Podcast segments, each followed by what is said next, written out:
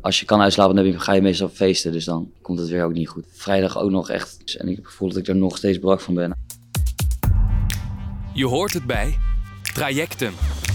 Hoi iedereen. Ik ben Lucas en ik heb vannacht 7,5 uur geslapen. En ik ben Lisa en ik heb vannacht 8 uur geslapen. Leuk dat je luistert. Studenten hebben het er maar druk mee tegenwoordig. Ze sporten, studeren, hebben een bijbaan, protesteren tegenwoordig ook best wel vaak en mogen weer naar feestjes. Daarom stellen wij deze week de vraag: hoeveel uur slapen studenten? Ja, want Lucas, hoe zit het met jouw slaapgedrag? Ik hou best wel erg van slapen. Het liefst slaap ik zoveel mogelijk eigenlijk. Gemiddeld 8 uur per nacht, denk ik. En als ik 's ochtends wakker word en ik lig in mijn warme bed en het is koud buiten of nog donker, dan kan ik gewoon niet opstaan. Ja, het moet wel natuurlijk, maar in het weekend blijf ik dan echt het liefst tot 11 uur uitslapen of zo. Je hebt dan natuurlijk wel weer minder aan je dag. En jij? Ik kan dus echt heel lang slapen, maar dat is ook wel vervelend. Dus dan zet ik altijd een wekker, zodat ik niet om drie uur 's middags pas wakker word. Ik heb ook net corona gehad en ik merk echt dat ik uren kan slapen. Ik had zaterdagavond een feestje en dan was ik wel echt pas om half vijf thuis. Maar toen werd ik zondag pas om twee uur 's middags wakker, echt veel te laat.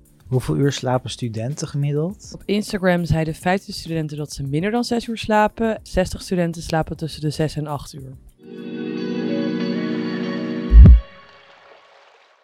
Scheelt heel erg. Inderdaad, soms heb je echt uitslapen, soms heb je feest dat je bijna niet slaapt.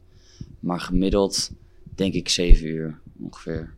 Als je me verplicht wordt om eruit te gaan door zo'n irritante wekker, ja, dan, eh, dan vind ik het heel lastig. Dan wil ik liefst echt, zolang mogelijk, echt gewoon echt niet uit bed. En dan is echt een verschrikkelijk gevoel. Maar dat gaat wel weer weg na een uurtje of twee. maar ongeveer zes uur per nacht. Ik werk ook natuurlijk naast mijn studie, dus eh, ik probeer zo vroeg mogelijk te beginnen met werk, zodat ik ook wat langere tijd te studeren. Gemiddeld over de week eh 6 tot 8. Ik denk dat ik echt een beetje moeite heb met op tijd naar bed gaan. Dus dan ben je om tien uur al in je kamer, maar dan eh, duurt het wel drie uur voordat je echt daadwerkelijk gaat slapen. Ik denk ook dat er heel veel doorgaat in mijn hoofd, waardoor ik niet op tijd naar bed ga. Ik maak allemaal planningen in mijn hoofd, wat ik allemaal moet gaan doen. Maar dan kan ik dat op dat moment niet doen, want dan ben ik daar gewoon te moe voor. Gemiddeld slapen we tussen de 6 en 9 uur per nacht. De gemiddelde student in Nederland gaat om 5 uur voor half 12 naar bed en heeft 26 minuten nodig om in slaap te vallen. Jonge volwassenen hebben 8 tot 9 uur slaap nodig om goed te functioneren, blijkt uit een Amerikaans onderzoek van de National Sleep Foundation. En mensen uit Japan hebben met 7 uur en 24 minuten de minste nachtrust. En Lucas, heb jij wel eens lage cijfers gehaald door slaapgebrek? Niet dat ik weet. Volgens onderzoek van de Universiteit Leiden uit 2016 halen studenten lage cijfers door slaapgebrek. De studenten met slaapgebrek hebben een lager cijfergemiddelde dan studenten zonder slaaptekort. En dat is echt zo'n half punt lager. En gebruik jij wel eens slaappillen? Ja, vroeger wel, nu niet echt meer. In Nederland nemen ongeveer 750.000 mensen elke avond een slaapmiddel. En op Instagram vroeg ik aan studenten of zij ook slaapmiddelen gebruiken. En eigenlijk 10% zei ja en 90% zei nee van de 150 antwoorden.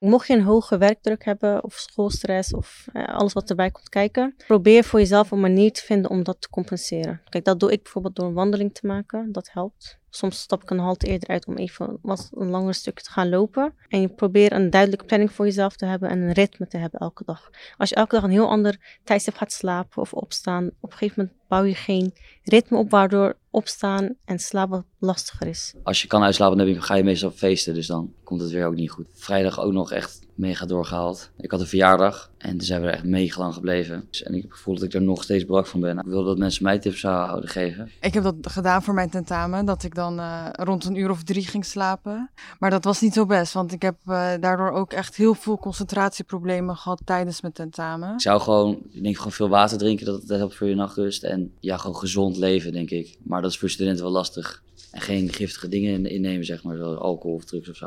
Ja, alles wat ik doe, moet je dus niet doen, eigenlijk.